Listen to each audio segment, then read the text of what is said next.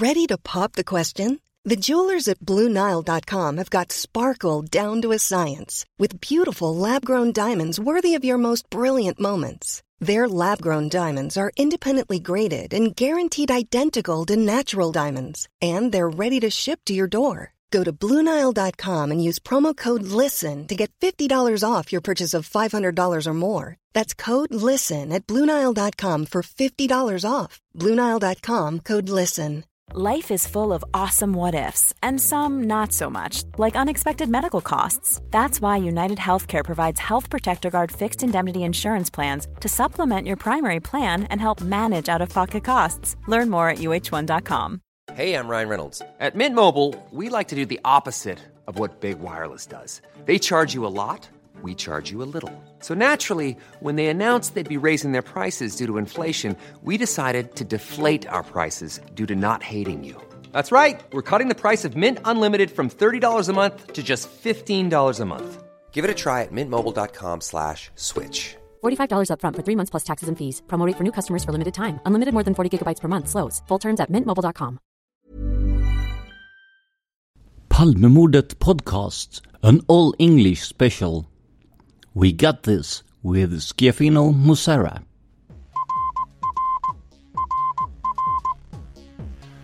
Sveriges statsminister Olof Palme är död. 90 000. Ja, det är mord på Sveavägen. Hörde de säger att det är Palme som är skjuten. Mordvapnet med säkerhet är en Smith Wesson, en revolver kaliber .357. Inte ett svar. Finns inte ett svar. För jag har Polisen en man i 35 till 40-årsåldern med mörkt hår och lång mörk rock. Welcome to the Palmemordet podcast about the murder of former Swedish Prime Minister Olof Palme. This is an extra episode, all in English for our listeners abroad. My name is Tobias Henriksson. Me and Don Hörning has been making this podcast in Swedish for the last four years and have produced well over 200 episodes. Today we will do our first English version since the person we will be talking to is originally from the United States. Because this spring, the Swedish public service TV company Sveriges Television will release a dark comedy about the murder of Olof Palme. The idea for the series came from Schiaffino Musarra, originally from the US, but nowadays a Swedish residence. The name of the series is We Got This, and it will premiere on Sveriges Television, or SVT for short, May the 3rd, 2020. You will hear more about the premiere later in this episode. Please be aware that this is my first attempt to do an episode in another language, so please forgive me if my English is not perfect. I started the interview by asking Schiaffino to tell us a little bit about himself and his background, since most Swedish viewers perhaps don't know him that well. Uh, yeah, I was actually born in uh, outside of Atlanta, Georgia, in the Mhm. southern part of the U.S., uh, a little town called Marietta. And um, well, the sort of the, the short version of how I wound up here was that I, I started out as an actor in my early 20s, and I, I did a lot of theater and stuff like that. And I was pretty eager to get away from my hometown. Um, so I moved. First, I moved to Boston, lived there for about a year, and then hooked up with a buddy of mine who, who was in film school. Uh, and while I was there in film, uh, he, he was in film school, and I started taking classes to learn screenwriting.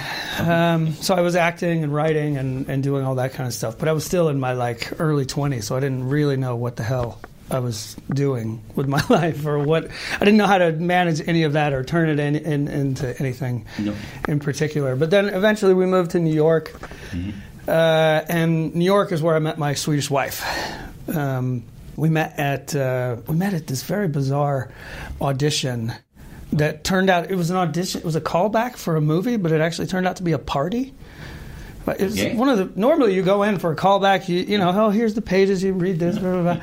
But you showed up and it was just like a loft in New York, and they're like, yeah, it's a party and just act natural and have a good time. the financiers are paying for the party. Like, we'll tell you at the end of the night, like, if you got the part. And Yeah. anyway, I was like, okay, fine. It's open bar, free food. It was a band playing. Uh, and within five, ten minutes of, of being there, I met this smoking hot Swedish girl. Yeah. Uh, I'd never met anybody Swedish in my entire life. I mean, I couldn't find Sweden on a map at the time when I met my wife. Uh, but she, um, we became friends very quickly. Yeah. Um, and I guess we, we sort of hung out and became friends for about two months or so before we started dating. Uh, and then she, like a lot of you know people from from outside of the country, her her visa was kind of coming to a close, and we'd only been together for maybe six months. And I was like, you know what, I can't. I would never ask this woman to marry me after six months, but I, I know that I love her. Mm-hmm. Let's just roll the dice and see what happens Yeah. what's the worst thing that could happen? We could get divorced, right? I'm thankfully we're on. We're going. We just had our 21st wedding anniversary. We have two kids, uh, so it turned out to be probably the smartest decision I ever made, actually. Uh, and if there's anyone who I can credit with having just even introduced me to Olaf Palma, it would be her. Yeah. Um, because I, the first time I ever saw Olaf Palma's face, I remember, was on that trip when we came here, 1999. We came here to get married, and I think it was around the same time they had recently found. I can't pronounce this. For, I'm terrible at pronouncing things in Swedish. But what was this? They found a gun in a lake. Eh, eh, Mock- Mock- Mockfjärdsrevolt. Christ, I can't. I've been here for 13 years, and my Swedish is embarrassingly bad. Uh, but anyway, it was right, right around the same time. And it was one of those, you know, when you go to the press bureau, you know, you got the, the headline Yeah. there, and it was a picture of Olaf Palma and a picture of the gun, and I think there was also a picture of a lake or something. And I was like, babe, what the hell is this? Who's that? She's like, what, what do you mean who's that? That's Olaf Palma. I'm like, yeah, but. I, I, yeah, so I, I'm, I'm he, I, I don't know who that is. No, no. How do you not know Olaf Palma? You know, in America, we. I mean, I was obviously I was only 11 at the time when Palmer was killed, yeah. but also in Amer- when you grow up in America, you get very used to kind of being in this bubble where you don't hear a lot of news about uh, what's happening in the rest of the world.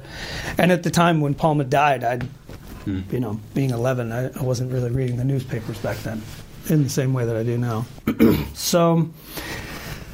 Yeah, so she's the one who kind of turned me onto it, and and she gave me sort of the short version, you know, that kind of uh, enough for me to realize it was basically kind of Sweden's version of JFK. Yeah, right. exactly, So, exactly. um, but the the thing that I thought was so unique about it, I mean, whether you believe that Lee Harvey Oswald killed JFK is kind of irrelevant because they, I mean, they did actually close that case Yeah. right? did, So let's fold it up. We're done. Of course, conspiracy theories and all that stuff popped up, and lots of people don't believe the official story. Um, but but there's nobody.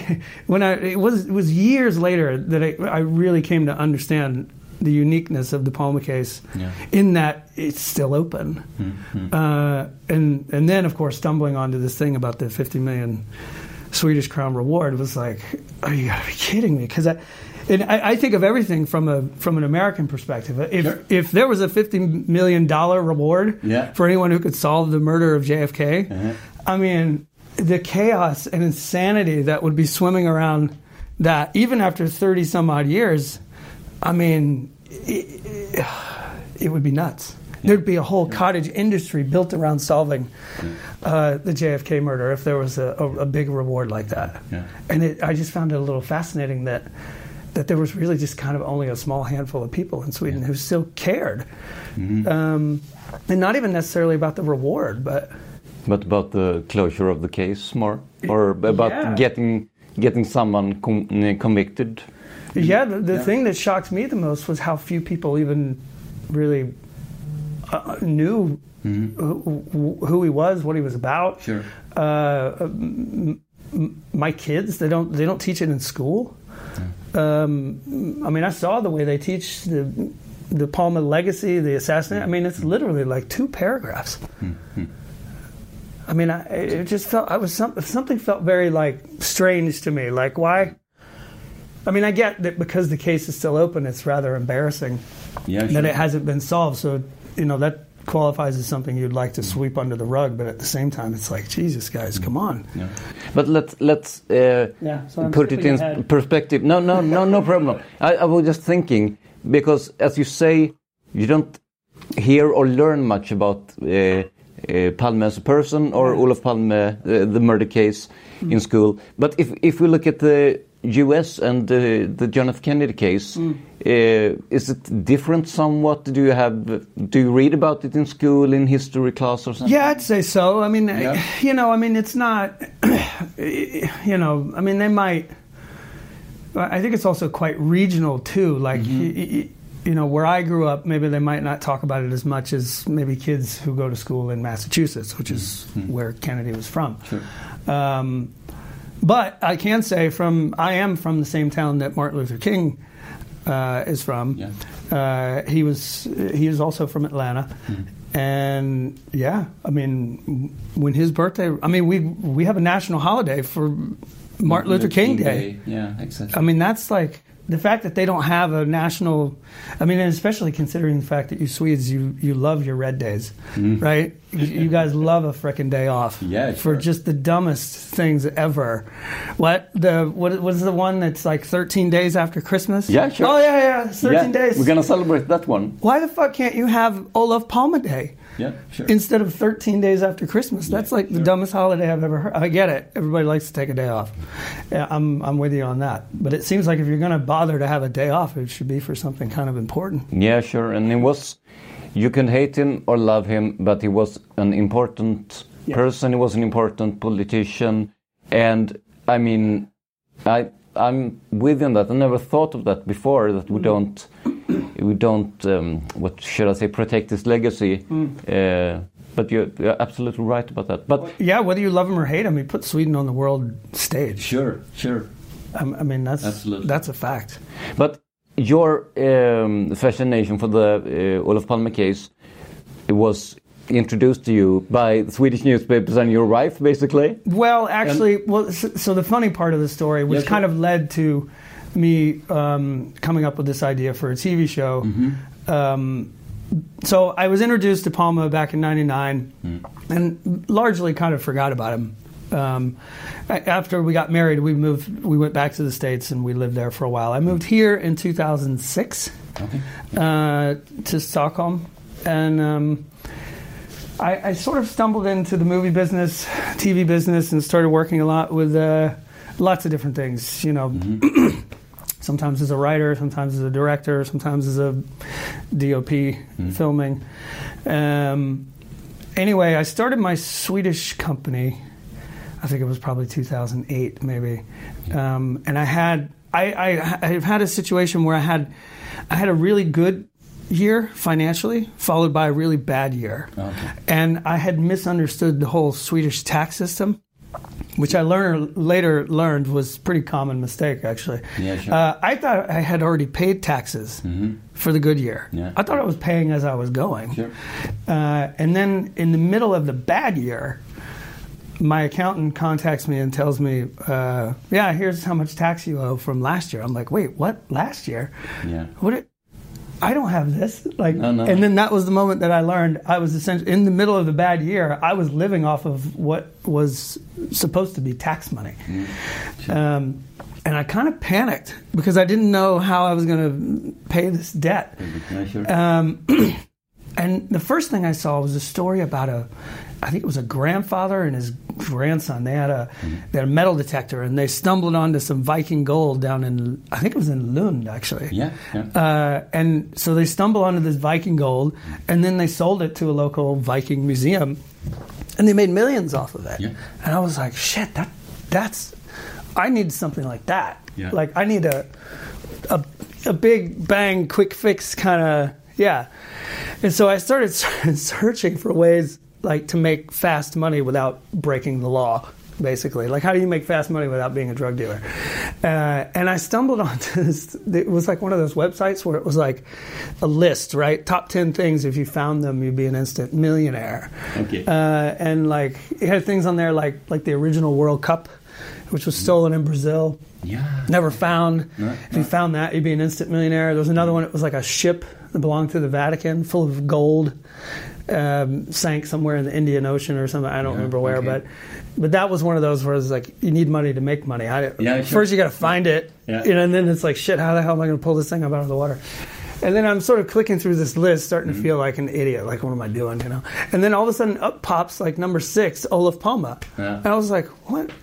Olaf Palma? What the heck? And that that was actually the first time I learned that there was a 50 million Swedish crown reward Okay. for anyone who could provide that information that led to the killer. And I kind of I got super excited all of a sudden, and it's like that weird feeling when you it's totally irrational. But like for like a split second, I thought to myself like, 50 million Swedish crowns, that's perfect. And then you know the reality kind of sinks in. You're like, Yeah, sure. wait a minute, I've never solved a murder case before. I mean, there's a reason why this case is still open, right?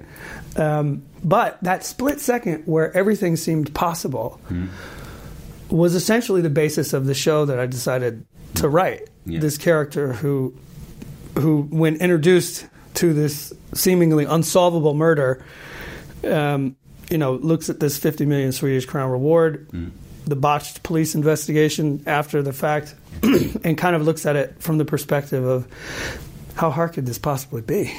You know, this couldn't possibly be that difficult to solve. Like, if you just give me a chance, take a crack at it, show me some information, I, I could wrap this thing up by the end of the year, no problem. And so that's kind of the perspective that I wrote it from Yeah. um, naturally it's a good starting point because it gives you the opportunity to you know when you write something like this every character needs his own kind of journey his own arc Sure. right he needs to Sure. start here and things need to happen so that he changes along the way so yeah. he goes obviously from how hard could it be to obviously realizing oh crap now i get it now i understand how hard it is and also kind of realizing that that the the murder itself, like what it meant to Sweden, what it did to the country, what it did to the people, uh, it's bigger, it's more important than the 50 million Swedish crown reward. So that's kind of it's it's a nice little emotional Yeah. journey. So basically, uh, the TV series you are making are based on that thought that um, I can, I can, maybe I can solve this, or maybe I can give, because the series uh, is named uh, "We Got This." We right? got this, yeah. Yeah. Well, So, what was that the thought you had in your mind at that split second? We got this. I can solve this. Yeah. I can do it. Yeah, yeah, and it's it's tragically American, I, I guess, probably in some ways, where you're. we a lot of Americans we we because we think we are in this at the center of the universe. We kind of we kind of think we got everything. Like yeah, whatever. Like if you just no, I've never solved a murder case before. But if you gave me all the information that was in the Palma Group, I guarantee you I could solve this thing. Yeah, sure. It- Americans, we have this like weird confidence Yeah. about us that's completely unwarranted. Like it doesn't really come most of the time. It doesn't come from any kind of real experience or anything. It's, but that that's the American myth. You know, it's it's uh, the whole story of America is built on on um, on lots of people who who in the early days of the forming of the country had no experience in doing what they were doing and they just kind of plowed through and figured out a way to do it anyway. Um, it's part of what made America such a great country, um, but at the same time, it's also what makes us kind of annoying on the world stage because we think we can do anything, uh, and a lot of times we wind up fucking everything up. But say when when you saw this list with all the uh, things you could do, when you realized, wow, this is a good thing, was it immediately in your mind that you were going to write a, a script about it, or how the process of Yeah, going well- from a thought to a script, so to speak? went through a lot of different phases actually because whenever you come up with an idea like this I mean your first thought is like should it be a movie or should it be a tv series Sure. um, and my f- movies are always easier to make in some respects because they're they're shorter. I mean we made a six episode tv series. That's like making three movies. Shooting for 60 days nonstop uh, uh, you know over the course of three months. It's exhausting. Thank Uh, yeah, but um, and initially I think I was going to try to do it as a fake documentary. Like I wanted everybody to just kind of be themselves. Yeah. I was going to be me, and everybody else I wanted to be in it was going to be themselves. Um, but then I realized there were doing it as a fake documentary came with a lot of uh, sort of uh, legal jeopardy, I guess you Mhm. could call it. Yeah. I can't imagine. Pretending. I mean, you guys probably know that. I mean, I th- I've always thought that was kind of fascinating when I started reading about the Palma, Mm-hmm. uh, researching all that stuff and all the abbreviations that everybody uses, you know, like policeman A and, Yeah, you know, KB and blah, blah, blah. And I was like, why? What? Yeah, And some of it's just to be for the sake of brevity, but in some cases it's because you don't want to get sued for defamation. absolutely. Uh, and when I started to realize that, I was like, okay, this story needs to be completely made up. Yeah. Um, so I basically kind of flipped into a fictional mode and started writing it from a perspective of a guy who, uh, you know, very much like my real situation, had had run into trouble with the Swedish tax authority, uh, and after trying to kind of solve that problem in some more practical ways, uh, he sort of accidentally stumbles into the Palma case um, by way of this crazy um, cat lady who's putting up signs about her missing cat. Uh, right, and he he finds her cat, and when he returns the cat, she's not there, but she has her own private Palma investigation wall, and he's like, "What?" You know, he goes home to his wife, and he's like, "What? This is a thing? Like, what the hell is this? Like, why are people doing this?"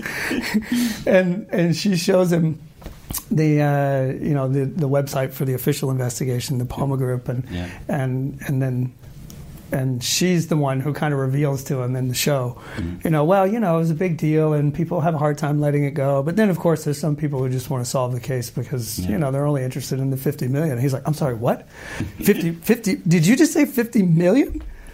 Are you kidding me? And then he's like, bang, he's hooked Yeah. right away. Sure.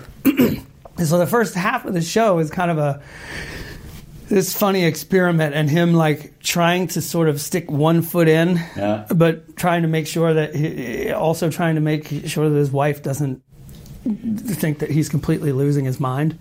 Um, but you know, as the show progresses and he gets closer and closer to the truth, uh, keeping it a secret from his wife becomes Yeah.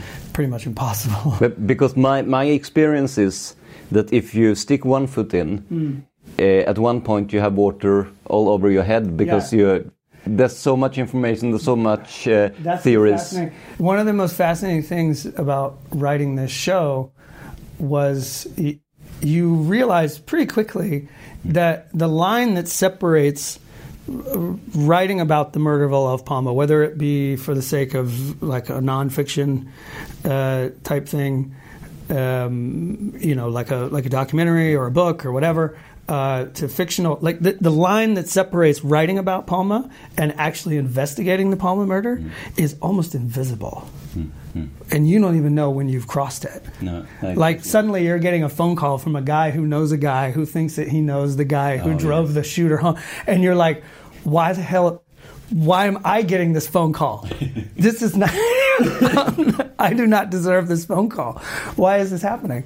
Uh, you know, j- crazy stuff like that. I wish I got one dollar for every time someone called me and said, I have a person who knows a person who has Yeah. a contact who saw Yeah. the murder. Yeah. I mean, and of course, some of it might be true. Yeah. It, yeah, I mean, the, the police did a really sloppy investigation uh, in the beginning. Yeah. And so it might be true that someone hasn't been heard by the police, but then again, yeah, Mm. Yeah. you know what I'm talking about. No, it's it's you can trust everyone. Let's say that. the thing that, but that what I mean is that like once you've crossed that line, it's Yeah, like sure. you're kind of you're sort of on your own to sort of pull yourself back, Yeah, you know, and and that's actually a big part of what the show is about too. Is like what would happen if you really sort of lacked that ability to sort of pull yourself back to that kind of logical side of that line.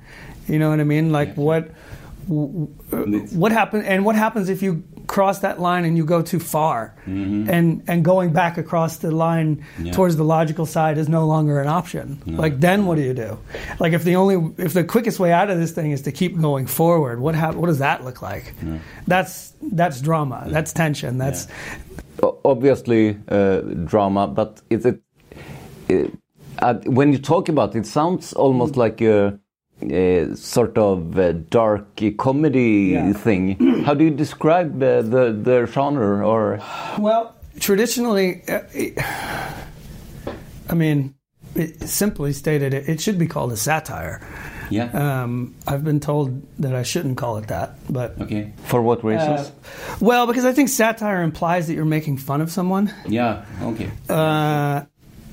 And and I guess I mean we don't make fun of Olaf Palma. Quite the opposite. We kind of it's when you see the whole show, I think most Yeah. people will see that it it reads more like a tribute Yeah. Sure. to Olaf Palma, Uh, we do spend a fair amount of time making fun of the Swedish police, which I think is quite warranted. Whether you think they're involved in the murder is totally irrelevant. Sure. But how they actually handled the investigation, that was the part that made me convinced that it should be a dark comedy. Yeah, sure. Because when I sat there and read just the things that were happening the days after the murder, um, it, for me, it qualifies as comedy of the absurd. You know, where it's so horrible that it, you you either have to just go crazy or you have to laugh about how ridiculous the investigation was and how it all played out. Um, so that's why, but th- that was not a very popular opinion at the time when I came up with the idea to do it as a comedy. No. I mean, it took over five years to get somebody to agree to make this show. From from From the moment to, that I uh, came up with the idea Yeah. and started, you know, initially when you come up with an idea like this, you don't start writing the scripts right away. No. You put together a kind of a synopsis of where you think the story Sure, should sure. go. I had some very funny meetings along the way where people were like, wait, you want to make a comedy about the murder of Olaf Palme? I'm like, yeah. I'm like, I, I don't understand how the murder of Olaf Palme, how is that going to be funny? And I was like, well, the murder's not the funny no, part. No, exactly. That's not the funny part. I was like the the the comedy of the absurd related to the investigation, plus you know all of the privatspanare and like Yeah, some of the yeah. ideas that they've come up with and some of the theories that I started to read. Like, I mean, I couldn't. I know this. It's maybe you have to have a certain type of sense of humor, but the first time that I heard that there was a theory that Olaf Palme had faked his own death because he mm. had AIDS, I almost fell out of my chair. I was laughing so hard because not because it, only because I just think it's it's it's the most ridiculous thing I've ever heard in my life. It. But it's so funny to think that someone seriously thinks that. And and the funny thing is that if you look at all the theories and hmm. find this one the most plausible, then or most, I mean, Exactly. Yeah. I, I don't understand. I don't. I really don't understand if that's the one. Yeah. Yeah. That's not the police. It's not the, like Victor Gunnarsson or something. who? Yeah. I mean, they have a kind of motive. Yeah. They may have a weapon, but no, he faked his own death. An actor was taking his place at Sveavägen. I mean, it's it's it's like a build-up for a good comedy. It's the most absurd idea I've ever heard in my life, and I laughed so hard when I heard it. Um, and I just felt like this. I mean, this is crazy. Like, If you do a sequel on that one, I want ten percent. so I think, um, you know, for me, it was it, the hard part about writing it too was that because there is so much information within the Palma labyrinth, like everything, all of the theories, all of the people, all the names, all the possibilities. Um, and when you when you write something like this, uh, structure is very important. Uh, you need to have like a really tight and clear and clean way of traveling all the way from the beginning to the end of the story without confusing the audience, right? So that was really more like a trial and error thing. I, I think in the first the first versions of the script had too much information about the Palma assassination, and we realized as we started pulling things out, it suddenly became more readable and more Yeah. more of a flow to it. So I, it, it kind of led to a situation where I think uh, I think people who don't know much about the Palma case will be very much intrigued um, by the case related the case stuff itself. in the show.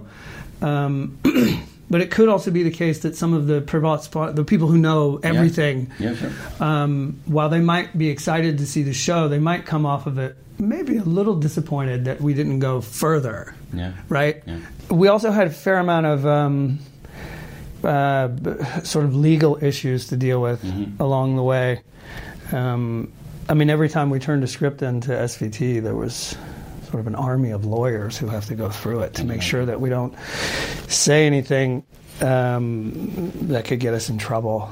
Um, there's been a few cases over the years related to media projects where, where people got in trouble. I think Call Girl was probably the most famous one.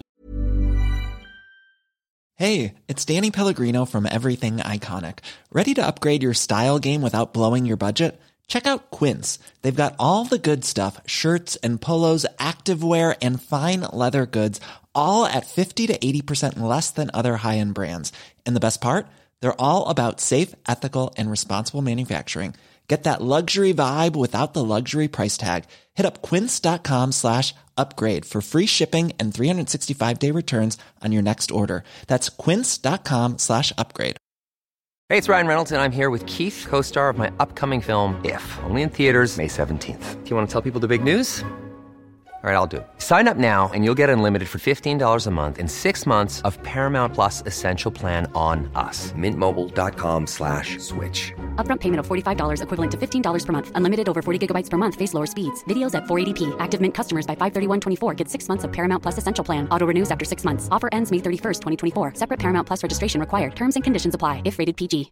If you're looking for plump lips that last, you need to know about Juvederm lip fillers. With Juvederm Volbella XC and Juvederm Ultra XC, your lip look, whether it's subtle or bold, can last up to one full year with optimal treatment and no additional maintenance. Find a licensed specialist and see if it's right for you at juvederm.com today. That's J U V E D E R M.com. Add fullness to lips in adults over 21 with Juvederm Volbella XC or Juvederm Ultra XC. Do not use if you have severe allergies or a history of severe allergic reactions, or if you're allergic to lidocaine or the proteins used in Juvederm. Tell your doctor if you have a history of scarring or taking medicines that decrease the body's immune response or that can prolong bleeding. Common side effects include injection site redness, swelling, pain, tenderness, firmness, lumps, bumps, bruising, discoloration, or itching. As with all fillers, there's a rare risk of unintentional injection into a blood vessel, which can cause vision abnormalities, blindness, stroke, temporary scabs, or scarring. For full important safety information, visit juvederm.com. Yeah, absolutely. Um, yeah. But I mean, you got the the biggest uh, TV channel in Sweden, the biggest. Uh, could you say biggest media company? The big, at least one of the biggest. They're, to they do are- your I'd your say they're show. the biggest. I say they're the yeah, biggest I'd channel. say the biggest. Yeah. What happened was actually that's an interesting story as well. Um, so, uh, like I said, for Mhm. five years I pitched this thing. Mhm. Nobody wanted to do it. Okay. No one.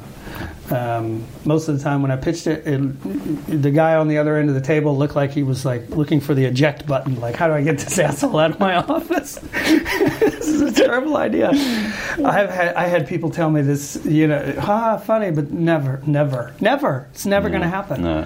And there's something. I don't, maybe that's. It's something about my personality. I think that Sure. when somebody tells me that something can't be done, um, it just that kind of drives me crazy. It's like a trigger. Yeah, it is a bit of a trigger, and especially because uh, maybe it helped because I'm not Swedish. But the idea, I under, look, I understand the the nature that led to telling stories about Palme like this, like to be somewhat taboo. Um, you tend to sort of, especially when someone's assassinated, you tend to kind of they, they become sort of like a saint Yeah, sure. right? Um, and also, you know, comedy is comedy is a difficult thing to prove on a piece of paper, right? It means different things to different people. And you walk into a room and I tell you I want to do a comedy about this. Um, so I basically I realized that I needed to show people what I wanted to do. Yeah. Um, so along with this woman, my producer, uh, Anna Sophia, she and I basically put our money together, and we sh- I wrote a script, a trailer script. We basically we made a trailer that made it look like the show was already done. Um, and when I started showing that to people, suddenly they got it. They got the idea that Yeah. you, okay. That re- the, and they also realized that as far as like, you know, again, we weren't making fun of Palme. No, if anybody was the joke, it was kind of it was me. The fact that that my character thought he could solve the most unsolvable murder in European history. Absolutely. you know what I mean? He was the real joke. Yeah. Uh, and as soon as people realized that, suddenly it went from one of these projects that nobody wanted to do to one that people actually kind of started fighting over. Um, we quickly signed a deal with uh. Yeah. They're the same company who did uh, Vår tid är nu and Solsidan. Um, and then I think it took a little while to get SVT to say yes. They were definitely scared. Uh, we pitched it to a few different places, a few different channels before um, before we wound up at SVT, and I'm not sure why they said yes, to be honest.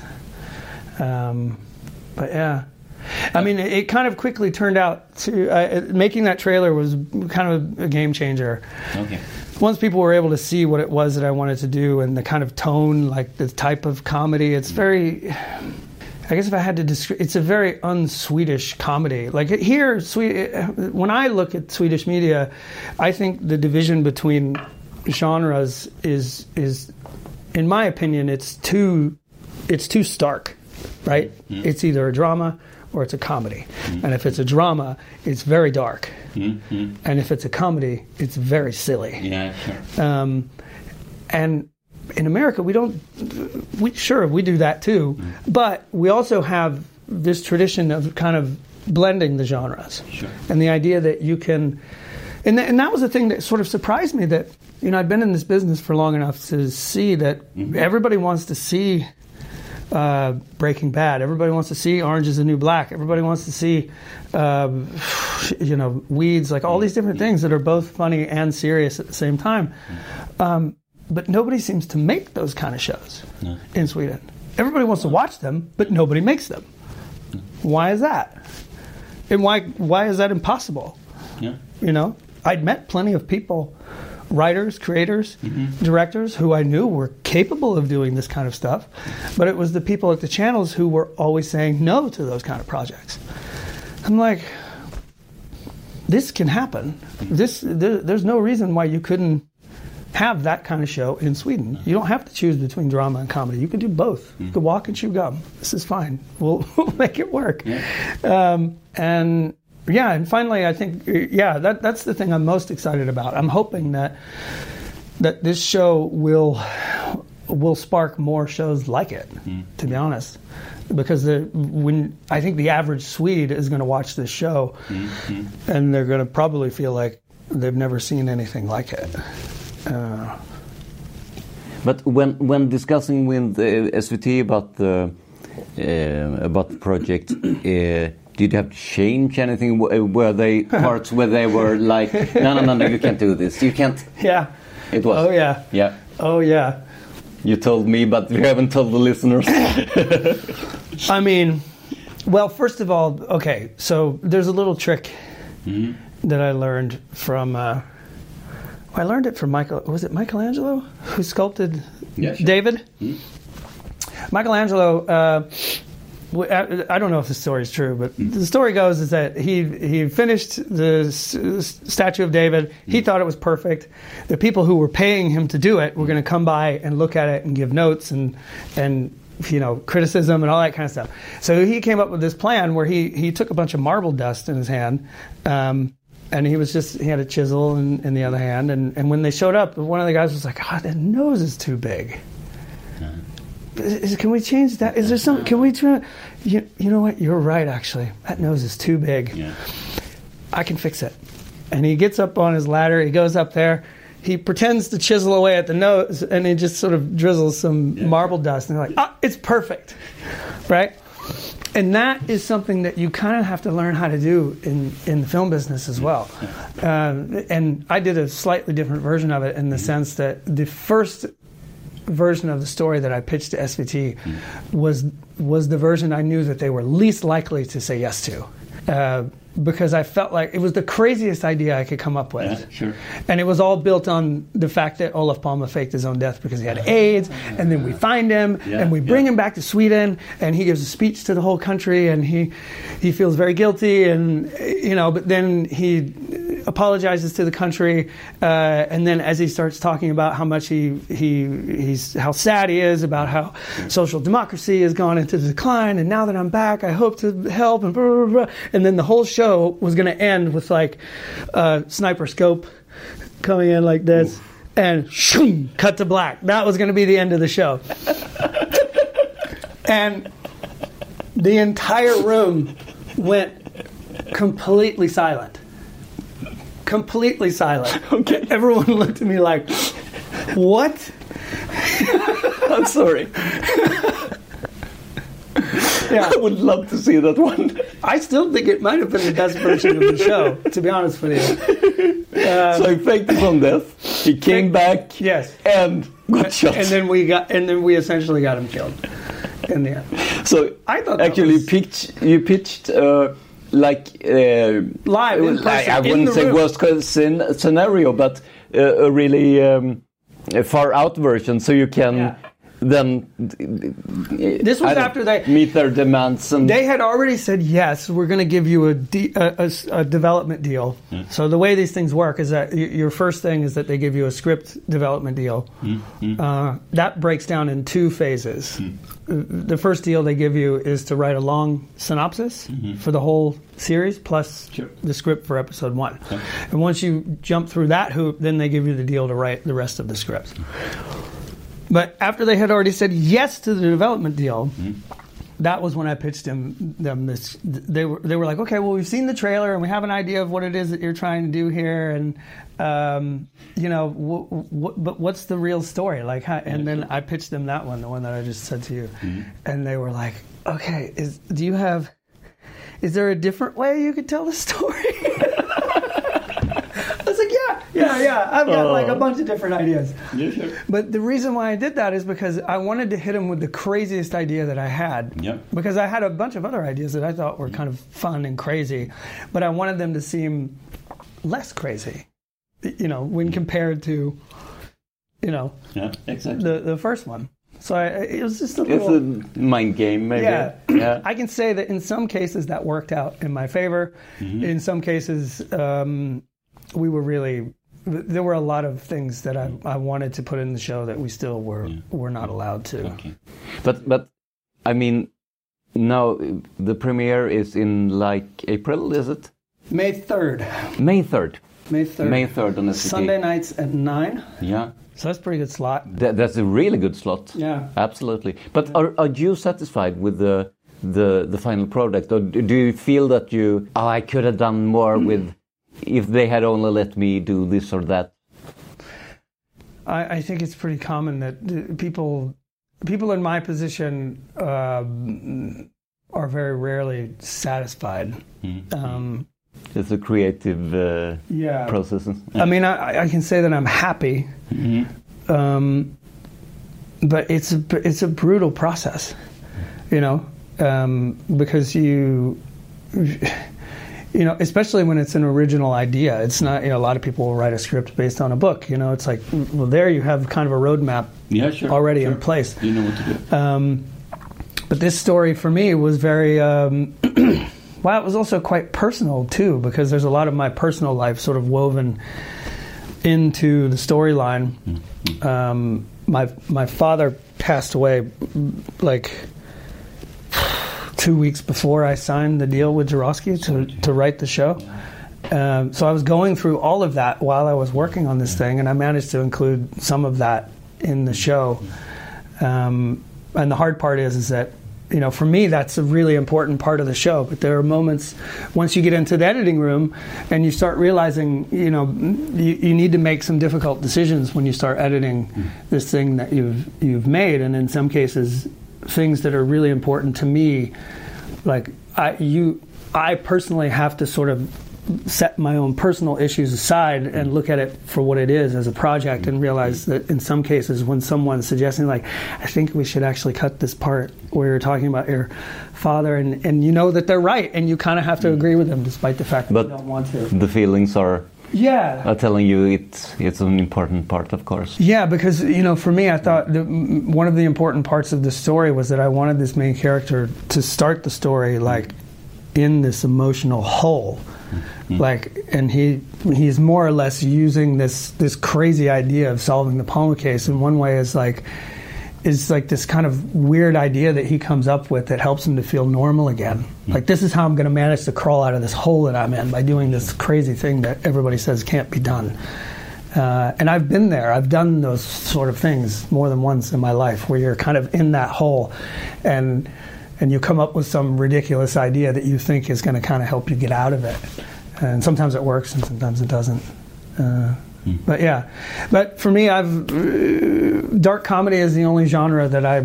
I'm, I feel like I'm really good at, um, and part of it is because I have kind of a dark past. Yeah, sure. I've lost a, a lot of people besides my father, uh, and pe- when you go through tragedies like that, you it's the moment that you figure out a way to sort of laugh about it is is the moment that you realize that you're starting to kind of get over it. Yeah, You know what a- I mean? Like a healing process. Exactly. Yeah. And and it's also the moment that you realize that it, it never goes away, but but at the moment that you are able to sort of laugh about certain things is the moment that it starts to become more manageable. Yeah, sure. It doesn't Right? hurt that much. Yeah, exactly. So, so for me, like that's, I mean, that's what draw has always drawn me to s- not just to, from a creative perspective, but mm-hmm. also like the kind of movies that I like to watch or the kind of shows that I like to watch. Like I, I need them to be, even if they're funny, they need to be about something real. Yeah. You know, something that really matters. Mm-hmm. And from a Swedish perspective, I couldn't think of anything that mattered more than who killed Olof Palme. You're you're originally from the U.S. with a different perspective. If a Swede would have pitched this idea, I, I know that you say the Swedes don't do uh, w- w- what you say blending. Um, The blending of the no, genres, yeah. but w- would it ma- make a difference? I mean, a good you see it from from from the outside, uh, somewhat at least. I mean, it's a good question. I, I, I mean, I think the real sort of key to the the ultimate success of the show being developed, uh, the fact that it was being told from an outsider's perspective was part of the reason why why SVT decided to say yes. I think. Um, that being said, gosh, I don't know. I mean, I remember at one point uh, I had an I, I uh, you know, I play the main character in the show. Uh, back when I couldn't get anybody to agree to make it, I remember at one point I thought about like taking myself out of this. Like, okay, so I'm not in the show anymore. I, maybe I should just try to find some Swedish actor, Okay. like somebody who, um, I don't know, somebody who everybody knows, because nobody knows me, right? I mean, at this point, nobody I knows me. I understand. Uh, I've done a few things here and there, and, and when this thing comes out, people, you know, m- you know, maybe a few people will go, "Oh, I saw him," and I was in a show called The Inner Circle on Viaplay, and I did one episode of Helt perfekt last year, and you know what, like five people may have seen that. I don't know, or or a lot of people watch Helt perfekt, but I'm sure that I doubt there'll be a lot of people that will go, "Oh, that's that guy." Yeah, but I, I mean, haven't we seen like uh, Rolf Lassgård and stuff like that being the uh, middle-aged man trying tried to find a new direction in life, uh, trying to. I mean, in this case, if he, if, you- if you would use a Swedish actor, maybe trying to um, in a life crisis, trying to solve the Palme case and stuff. I, I, mean, I, I see one of the great things about this is that it isn't based on a Swedish uh, cast or Right. a Swedish script. But you need to, I, I mean, we as Yeah. Swedes need to look at it from outside and see how other people or other countries. It's kind of a yeah, it's a weird situation because you. Yeah. Um, I put look. Uh, it's a weird thing because you hear a lot of people like regular people kind of in my business who which is really not representative of the country. So i have no idea what the actual pulse of the swedish people is like. But most people in my business are you know complaining about the fact that there's too many like cop dramas right? How Yeah, many sure. frickin' franchised swedish cop dramas do you have? Beck, Wallander, yeah, sure. you know? And they're all basically the same right? Are. it's the grumpy old white guy uh, who everybody is annoyed with Hmm. but he's also he'd be out on the street, fired, and living like a homeless person if it wasn't for the fact that he's just so doggone good at his job. You know what I mean? And it's like, ugh, I'm so tired of that. Um, but th- the thing that you don't realize until you get kind of deeper into the TV business is that they don't keep making those shows because nobody's watching them, right? People watch them. Yeah, and not only do people watch them, they sell really well internationally. Um, if they didn't sell, if you weren't able to make money off of these grumpy old men solving murder cases, these shows wouldn't they wouldn't be so prevalent. You wouldn't see them everywhere. Um, that being said, for me, from my perspective, I felt like w- so many people are already doing that. So I don't want to do that. Like, I'd rather have a character who is almost sort of the opposite of that. He has no skills, he has no background in investigating, um, he's not a cop. He has no access to official information.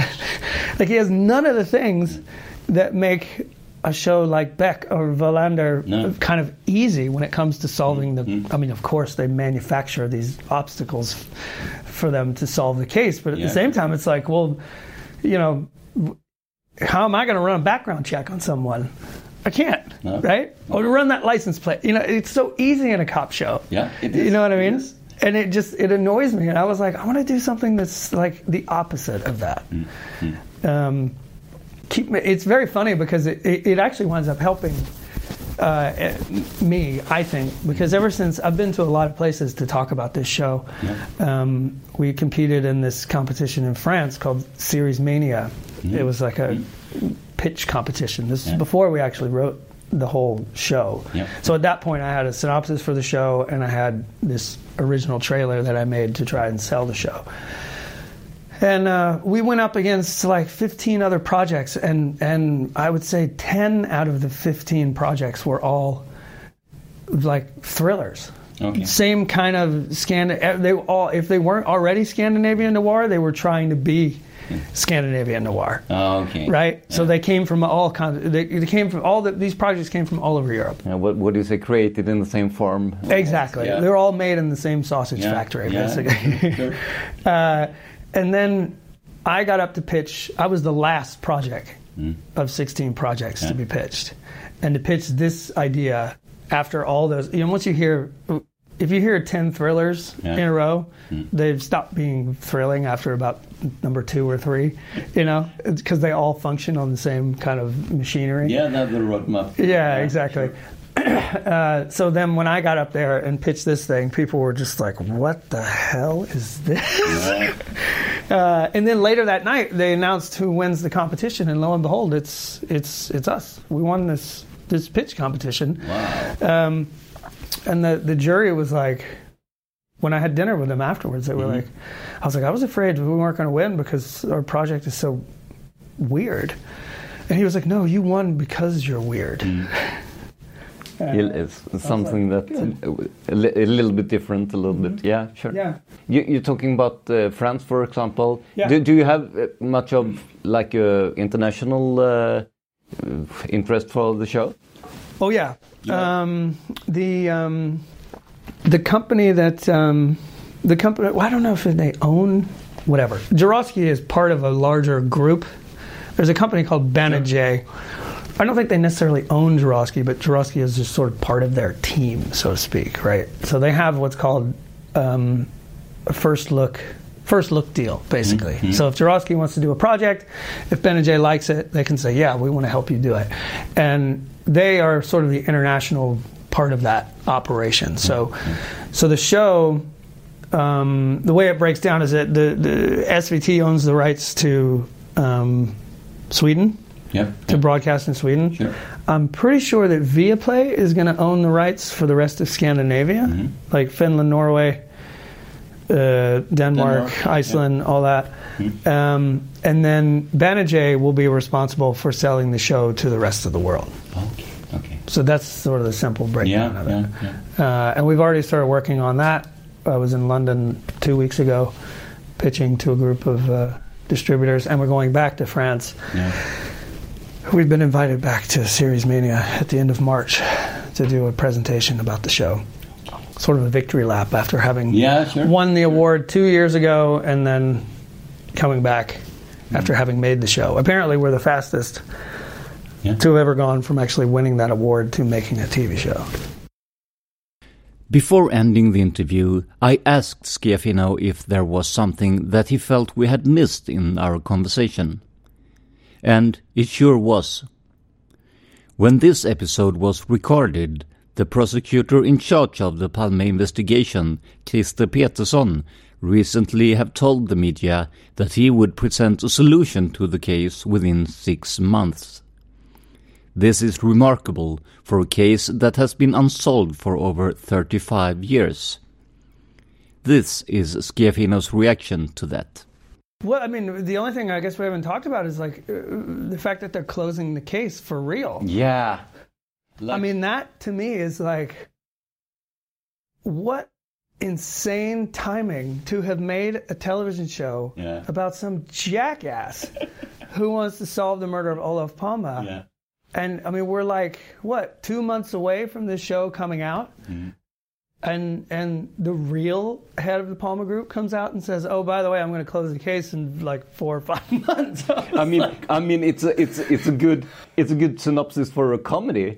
That's absolutely. that one as well. Well, not only that, I remember the day they announced that Christer Yeah. Petersson was going to be the new head of the Palme Group. I was like, this has to be a joke. Hmm. The um, name. Yeah. I, I mean, I, yeah, fine. He spells it differently, but still, It's one on. T. It's only one letter T that is different. I was like, this again. Oh, this is gonna the be good. Yeah, sure. All over again.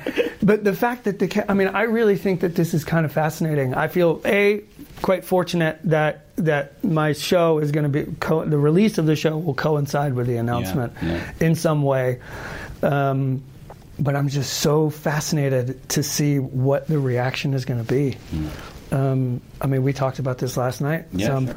uh, I think you and I are in large part um, in agreement that I think that the, the easiest way for them to kind of wrap this thing up is to obviously to to pin it on someone who's no longer alive because then it just makes it that much easier Absolutely. to close the case. Um, but I just I'm so uh, I, I almost don't even want to predict what the actual reaction is going to be. You know what I mean? Because I feel like I mean most Swedes have by and large kind of moved on from this, right? Sure, uh, And maybe they're going to react to it like, eh, mm-hmm. okay, fine. Yeah. We don't. We didn't. We stopped caring about that years ago anyway. Mm-hmm. But I think that the people who still care about the case, it's going to be a very noisy minority of people who are going to be really upset Yeah. uh, about how this is being handled. I think. Because as as we said last night when we did the the Palmevandring, Mhm. the Palme Walk, um, they can present a solution, solution Mhm. within quotes, Mhm. uh, and it might be correct. We don't know, Mm. but you'll never get all Swedes or even all interested in the Palme case Mhm. to accept that solution. Every, not everyone maybe, but many people will have their own solution because they have for 30 some years been thinking that the police did it, the, the KGB did it, or CIA, whatever. Yeah, take your pick. Yeah, take Doesn't pick, matter. absolutely. Whoever they say. It was like I said last night. For every one person that believes, let's say, I personally think they're going to try to pin it on uh, Skandiamannen. Yeah, sure. For every one person who believes that the Skandiamannen is responsible for the murder of Olof Palme, yeah. there are thousands of people who think that that theory is ridiculous. And I, I mean, I talked to people who said Skandiamannen is not on my top five list. You have like uh, uh, Christer A, uh, the guy who shot himself and uh, Mm-hmm. Yeah. sold his uh, weapon That outside one's Cafe way more Opera. convincing than Yeah, even that one. I mean, and it's so much more convincing. I remember when I read that theory and I thought, w- this is very, uh, this seems quite plausible to me, but it would make the most boring TV show of all time because it's like, wh- wh- where do you go with that? But but yeah, but you but you have the comedy. He went to Cafe Opera. You're Yeah. sitting there sipping on the tea, and Yeah. he has like a, uh 357 Magnum Mm-hmm. and sells to a random uh, drug dealer.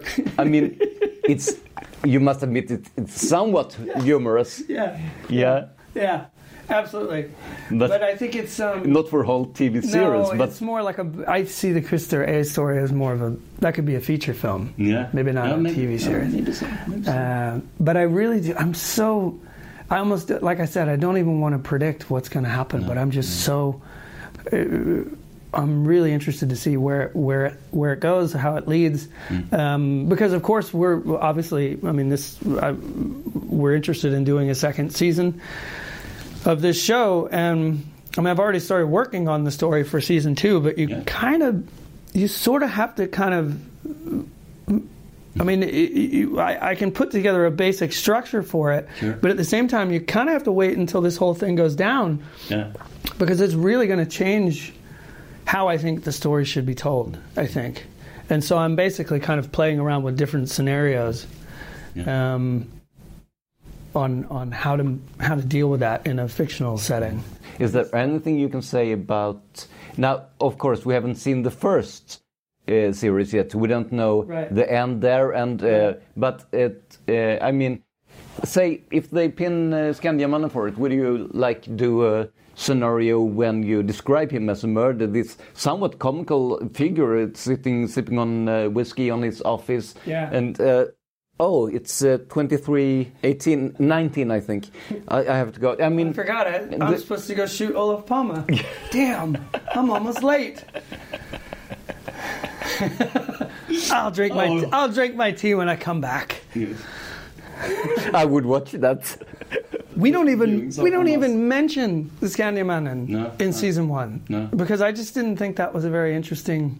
I mean, he's an interesting character. Yeah, for sure. but you know you realize when you when you write something like this if you once you start talking about something related to the case you kind of the characters in the show Hmm. need to you need to follow up on it. Yeah, yeah. otherwise i i it's just a interesting tidbit Hmm. right? And that's where you start to kind of lose the structure. If you spend too much time talking about things you're not actually going to follow up on.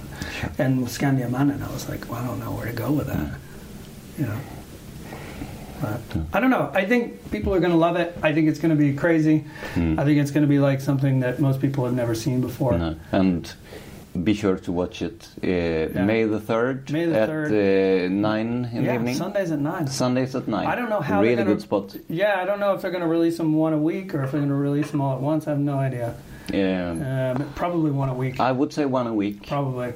Sometimes they, as you know, they put Yeah. on the streaming service uh, all the episodes, but I think Mhm. one a week must be the best one. Skip Lazara, thank you so much for coming here and for talking with us, and the best of luck with uh, the TV series. Really appreciate it, and we will we will watch it. I promise. Right on. Thanks for having me. With that, we thank Skefiano Musarra for this interview. As you heard, you can see him at Sveriges Television from May the 3rd, 2020. This was a special episode of the Palmemordet podcast about the murder of former Swedish Prime Minister Olof Palme. This episode was produced by me, Tobias Henriksson at PRS Media. If you want to know more about the Palme case, or if you want to listen to more than 200 episodes about this case in Swedish, please visit facebook.com slash palmemordet. That is P-A-L-M-E-M-O-R-D-E-T, where you can chat with other listeners and send questions about the case and the podcast to me and Don. Finally, thanks a lot to the Swedish company Acast for distributing this podcast. But first and foremost, thank you for listening to the Palmemordet podcast. Man hittar Palmes mördare om man följer PKK-spåret till botten. Därför att ända sedan Julius Caesars tid har jag aldrig hört talas om ett mord på en framstående politiker som inte haft politiska skäl. Polisens och åklagarens teori var att han ensam hade skjutit Olof Palme. Och det ledde också till rättegång. Men han frikändes i hovrätten.